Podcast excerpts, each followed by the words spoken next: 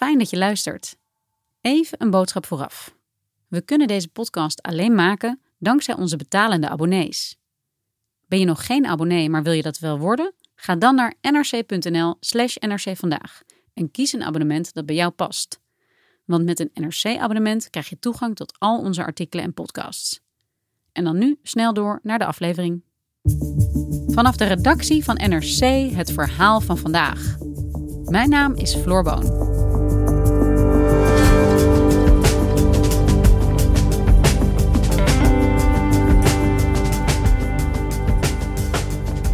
De Belastingdienst ligt weer onder vuur. Burgers werden niet alleen gedupeerd via het toeslagenstelsel, maar ook via de inkomstenbelasting. Politiek redacteur Rick Rutte bekeek nieuwe onderzoeken waaruit blijkt dat mensen op een zwarte lijst terechtkwamen op basis van uiterlijk en nationaliteit. Hoe kon dit gebeuren? En waarom lukt het de Belastingdienst maar niet om deze problemen op te lossen?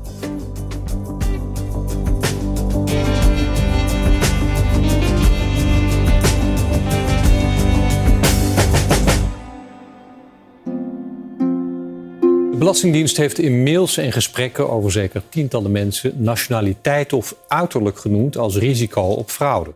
Duizenden mensen zijn zonder geldige reden zo op een fraudelijst beland. Dat is de snoeiharde conclusie van het onderzoek van accountantsbureau PwC. Het was al bekend dat onschuldige burgers zomaar op die lijst konden komen. Bijvoorbeeld als een buurman over ze had geklaagd. Maar uit nieuw onderzoek blijkt nu dat de Belastingdienst het risico op fraude soms ook inschatten op basis van iemands nationaliteit of uiterlijk.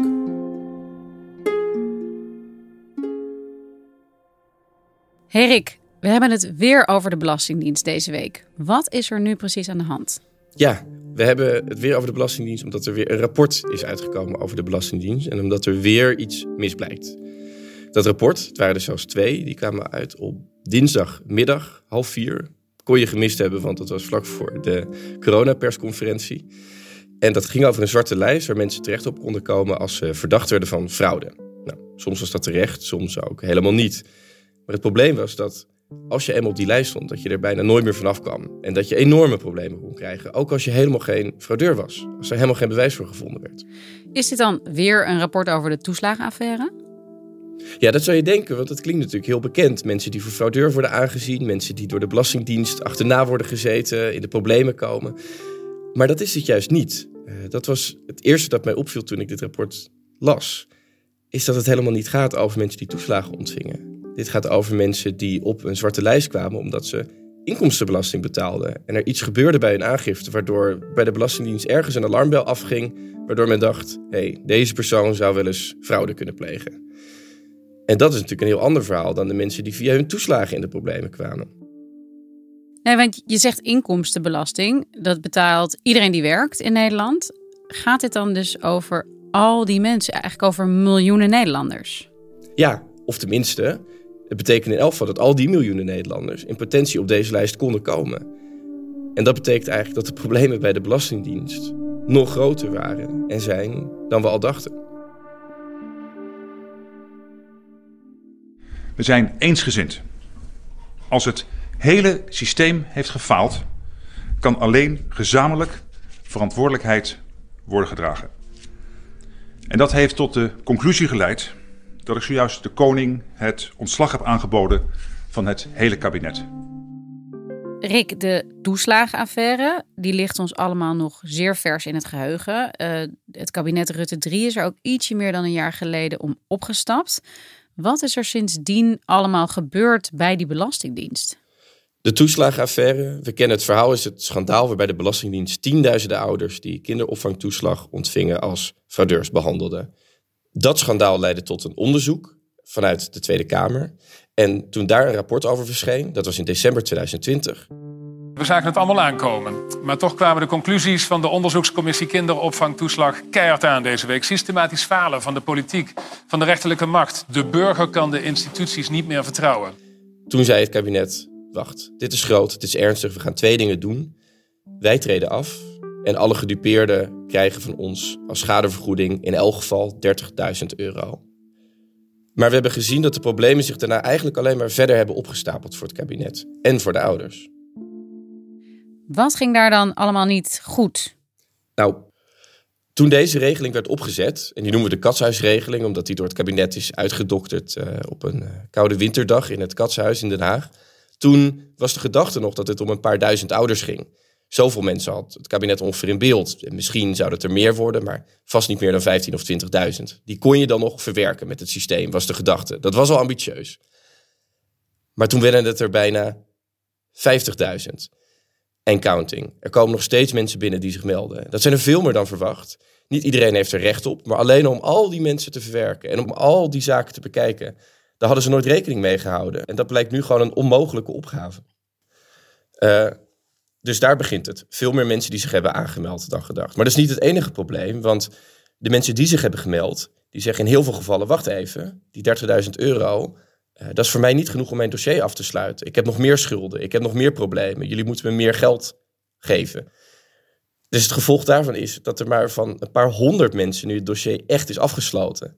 En de vorige staatssecretaris op het toeslagendossier, Alexandra van Huffelen was dat, die zei ook al maanden geleden. Nou, het zou nog heel lang kunnen duren. En of dat jaren is, dat weet ik niet. Het zou lang kunnen duren, maar het en is om wel het goed om te zeggen... nog erger te maken, zien we aan de andere kant juist dat er mensen zijn die ook die 30.000 euro krijgen, waarvan nu al wordt gezegd, ja, wacht eens even. We wilden natuurlijk heel veel mensen royaal tegemoet komen. En daar zitten vast mensen bij die geen 30.000 euro schade hebben geleden.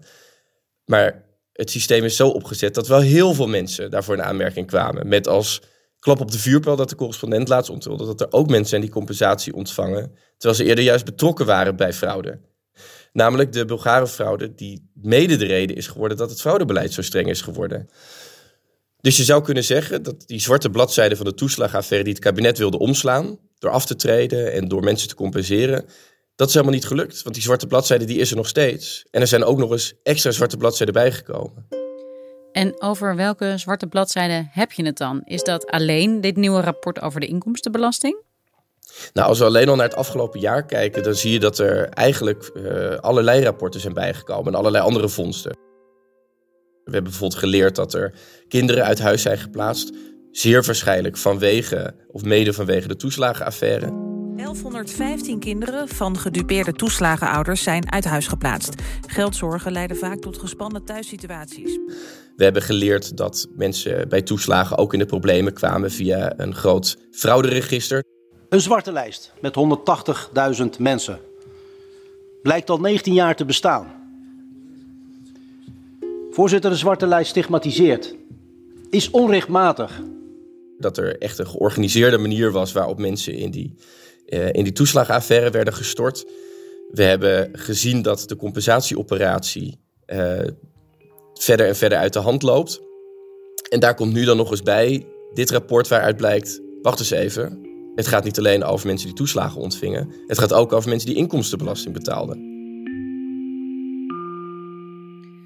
Ja, en dan komen we uit bij dit nieuwste rapport dat deze week bekend werd. Hoe is dat gegaan? Hoe is dit naar boven gekomen? Dit onderzoek is een rapport van uh, PwC, van PricewaterhouseCoopers. Dat is ingesteld door het ministerie van Financiën op aanvraag van de Tweede Kamer. En dat is er gekomen omdat we een jaar of twee geleden hoorden van dat frauderegister dat ik noemde. Dat is een register dat eigenlijk lange tijd geheim was. Dat inmiddels ook is uitgeschakeld omdat het vervangen moet worden. Omdat het boordevol zit met privacy schendingen. Maar niemand had daarvan eigenlijk in beeld of dat misschien ook mensen in de problemen had gebracht. Want ja, inmiddels weten we, de fraudeaanpak van de Belastingdienst. Daar zijn nog wel wat dingen misgegaan. Drie rapporten had dat moeten opleveren. Eentje over toeslagen, die is al uitgekomen. Daar bleek wel dat heel veel mensen inderdaad in de problemen kwamen als ze op die lijst stonden. Er moet er nog eentje komen over mensen die als ondernemer in de problemen kwamen. En nu hebben we dus een groot rapport over mensen die via de inkomstenbelasting op die geheime zwarte fraudelijst belanden. En in een paar jaar tijd zijn 115.000 mensen vanwege hun inkomstenbelastingsaangifte op die zwarte lijst gezet. Soms stonden die er terecht op, vaak ook niet. En we zien dat een deel van die mensen op basis van hun nationaliteit in het register is gekomen. En dat is al die jaren in de toeslagenaffaire juist steeds een van de grote splijtswammen geweest. Werd er nou etnisch geprofileerd of niet?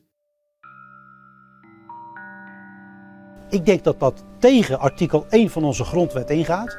Dat mensen beoordeeld worden niet op wat ze doen, maar op bepaalde kenmerken.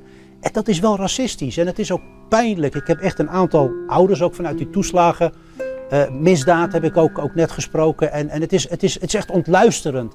We gaan hier geen belastingaanslagen opleggen die afhangen van die, van die uiterlijke persoonskenmerken. Dat lijkt me volstrekt helder. Ja, want etnisch profileren, dus op basis van iemands etniciteit mensen aanmerken als fraudeurs. Dat gebeurde inderdaad toch ook bij die toeslagenaffaire. Dat was toch een belangrijke reden dat mensen op die fraudelijst terechtkwamen? Nou, dit is een onderdeel van het verhaal waarbij we heel goed op onze woorden moeten letten. We horen in de toeslagenaffaire inderdaad al jaren over etnisch profileren. We kennen ook allemaal verhalen van mensen die vertellen dat ze bijvoorbeeld racistisch werden bejegend als ze met de belastingtelefoon belden. Maar wat ontbrak was, wat was nou het grotere plaatje? Werd er nou op grote schaal op deze manier over mensen met een niet-Nederlandse achtergrond gesproken? Of werden ze zelfs in de systemen zo bijgezet? Nou, wat we wisten van de toeslagenaffaire was dat die gegevens wel werden bijgehouden. Over eerste nationaliteit en over tweede nationaliteit. En dat mensen soms ook op basis van die gegevens in een risicogroep konden worden geplaatst. Maar toen kon de Belastingdienst nog zeggen, dat staat in de wet. We moeten bijvoorbeeld om toeslagen uit te keren weten of iemand in Nederland woont en of een Nederland paspoort heeft of een verblijfsvergunning. Dus dat was dan de uitleg van de Belastingdienst.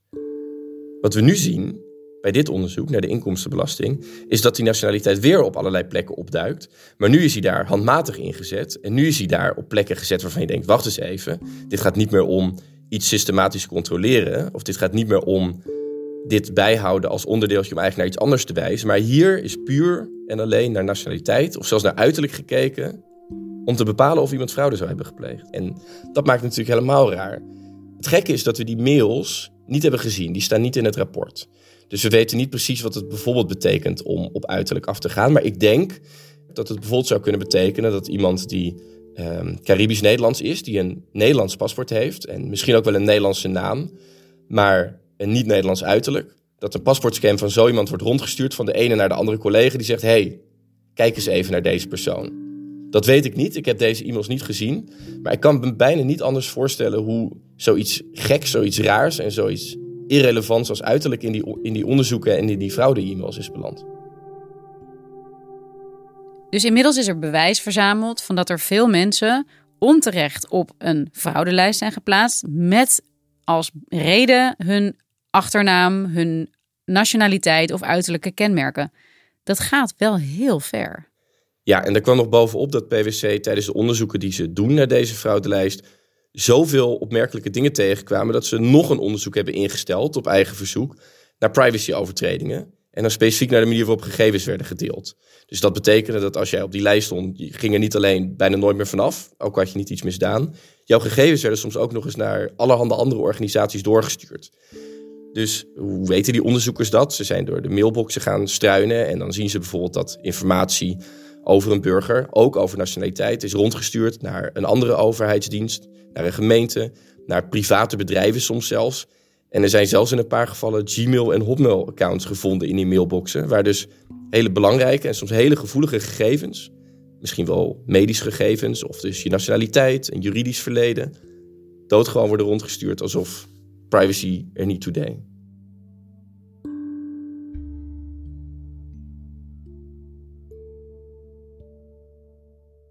Als jij dit allemaal zo vertelt, Rick, dan zou je je kunnen afvragen: zitten hier racistische motieven achter? Ik bedoel, de Belastingdienst is onderdeel van de bureaucratie.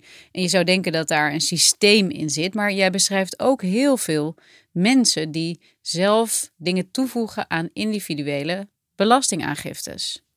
Ja, precies. Dus we wisten aan de ene kant, wisten we al een tijd dat er incidenteel racisme was voorgekomen. Maar wat veel moeilijker was om te zeggen was of er nou ook iets systematisch aan zat. Dat er echt bijvoorbeeld in de algoritmes iets was ingebouwd, dat er echt van bovenaf een order was gegeven. Nou, systematisch is nog steeds heel lastig om te zeggen. Dat betekent dat het echt een, met opzet zo gedaan is. Maar we zien wel dat dit nu om zoveel voorbeelden gaat. PwC heeft het echt over tientallen voorbeelden die zij hebben gevonden waarin dit soort dingen gebeurd zijn. Dat je op zijn minst kunt spreken van iets dat structureel is. Dus dat is op een hele eigen manier precies wel iets wat heel zorgelijk is. En niet voor niets zei staatssecretaris Van Rij hier ook over dat dat nog verder uitgezocht gaat worden. Dat is iets wat onacceptabel is. Uh, dat is in strijd met de grondwet. Uh, en, we gaan dat, en dat gaan we uh, nader onderzoeken, omdat Is het racistisch? Omdat de onderzoekers ook hebben aangegeven dat ze, dat ze daar nog verder geen verdere conclusies aan kunnen verbinden. Dus ik wil daar heel zorgvuldig mee omgaan. Nee, en dit speelde bovendien al jaren. De toeslagenaffaire sleept zich nog steeds voort. Waarom duurt het ook zo lang voordat het allemaal naar buiten komt? Wat zegt dat over de Belastingdienst? Toevallig kreeg ik een paar maanden geleden met Dirk Stokmans, NSC-collega, een rapport in handen. Ook over de Belastingdienst. Dat was toen nog niet gepubliceerd en daar stond van alles in over hoe de Belastingdienst werkt. Dat is een heel interessant rapport om te lezen, precies hierom. Omdat het ging over wat nou de cultuur is bij de Belastingdienst waarin dit kan gebeuren. En daar lazen we bijvoorbeeld dat mensen die problemen melden, in de problemen komen. Of dat mensen helemaal niet durven zich te melden met problemen, omdat ze bang zijn voor de gevolgen. Het wordt niet beloond als je zegt dat er iets niet goed gaat, maar het wordt eerder juist bestraft. Of op zijn best genegeerd. En als problemen niet van de ambtenaren, bijvoorbeeld bij de belastingtelefoon, laagje voor laagje naar boven gaan in die ambtenarij, dan komen ze nooit aan de top uit. En dan kunnen ze dus ook nooit vanaf de top vervolgens verbeterd worden. En is dat ook een reden dat het zo moeilijk is om iets te veranderen? Want het is toch ook verbijsterend dat bijvoorbeeld zo'n toeslagenaffaire zich zoveel jaren achter elkaar kan voortslepen zonder dat het kennelijk kan worden opgelost. Precies. En nou hoorde je de afgelopen jaren nog wel eens, weet je wat het probleem is? Dat is eigenlijk ook dat hele toeslagenstelsel zelf. Dat is gewoon gemaakt om voor problemen te zorgen. Dat is ook een heel ingewikkeld Nederlands stelsel waarin met allerlei potjes geld wordt geschoven. De Belastingdienst deed dat eigenlijk ook vroeger niet. Die doet dat pas 15 jaar. Dus misschien hoorde je dan, is het wel onwennigheid. En niet voor niets hebben heel veel partijen in de campagne gehad over het afschaffen van het toeslagenstelsel. Dat je dus geen huurtoeslag, geen zorgtoeslag, geen kinderopvangtoeslag meer krijgt, maar dat je gewoon in één keer bekijkt hoeveel geld mensen nodig hebben. In plaats van dat je dat geld heen en weer blijft schuiven. Nou, daar is veel voor te zeggen. Dat was een groot probleem. Maar als we nu zien dat blijkbaar ook mensen die gewoon de basistaak van de Belastingdienst proberen te gebruiken, namelijk inkomstenbelasting betalen en daar aangifte voor doen, als dat ook voor problemen kan zorgen, dan heb je dus met een veel dieper probleem te maken. Ja, nu gaat dit over hele gevoelige zaken. En we hebben net een nieuw kabinet, Rutte 4 is aangetreden. Rutte 3 kreeg het niet voor elkaar om dit op te lossen en trad zelfs af om problemen bij de Belastingdienst en de toeslagenaffaire. Kunnen we nou redelijkerwijs verwachten dat er de komende jaren wel iets goeds gaat gebeuren op dit dossier? Nou, wat zo treurig is, is dat juist omdat die organisatie, die de Belastingdienst is, met, met tienduizenden mensen, omdat die met zoveel problemen kampt, dat het ook heel moeilijk is om dingen echt te verbeteren.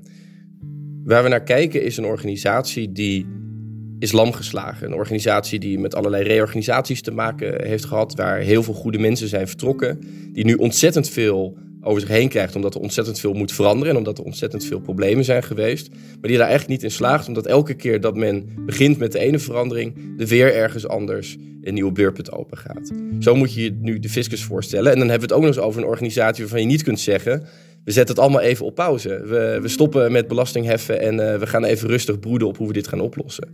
Dus neem een paar van de plannen uit het coalitieakkoord. Uh, de belasting op groente en fruit moet naar 0%. Uh, de jubelton, die, uh, die 100.000 euro die ouders aan hun kinderen of aan iemand kunnen geven om een huis te kopen. dat, dat soort plannen kunnen waarschijnlijk pas over jaren worden ingevoerd, omdat de organisatie het helemaal niet aan kan.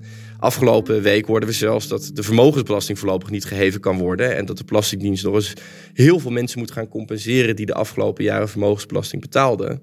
Omdat daar ook iets misging in de rekenmethode. Dus voor al, bij al dit soort problemen zie je dat het piept en kraakt bij de Belastingdienst. Dat er allemaal ambitieuze plannen waren om toeslagen af te schaffen, om de belastingen om te vormen. Dat wil bijna iedereen. Maar dat is heel moeilijk bij een organisatie die dus zo diep in de problemen zit. En dat wordt dan bijna een soort visieuze cirkel van extra problemen, mensen die gedemotiveerd raken en opstappen, uh, de belastingmoraal die eronder gaat leiden. Dus het zou zomaar eens kunnen dat mensen nu makkelijker kunnen wegkomen met het niet betalen van belastingen, omdat er zoveel aandacht is gericht op alle problemen waar de dienst al mee zit. Ja, het is een beetje wrang, maar het enige waar de Belastingdienst nu nog in lijkt te slagen is om te compenseren. Dus om massaal geld uit te keren naar al die groepen die de afgelopen jaren onder het beleid van de Belastingdienst hebben geleden. En zoals op alle dossiers, maar is het misschien hier nog extra belangrijk om de komende tijd argwanend en kritisch te kijken naar hoe het uiteindelijk gaat verlopen? Dat blijven we zeker doen. Dankjewel, Rick. Jij bedankt, Floor.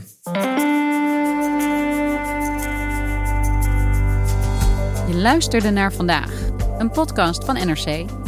Eén verhaal, elke dag. Deze aflevering werd gemaakt door Wijken van Koolwijk en Ruben Pest. Dit was vandaag. Maandag weer.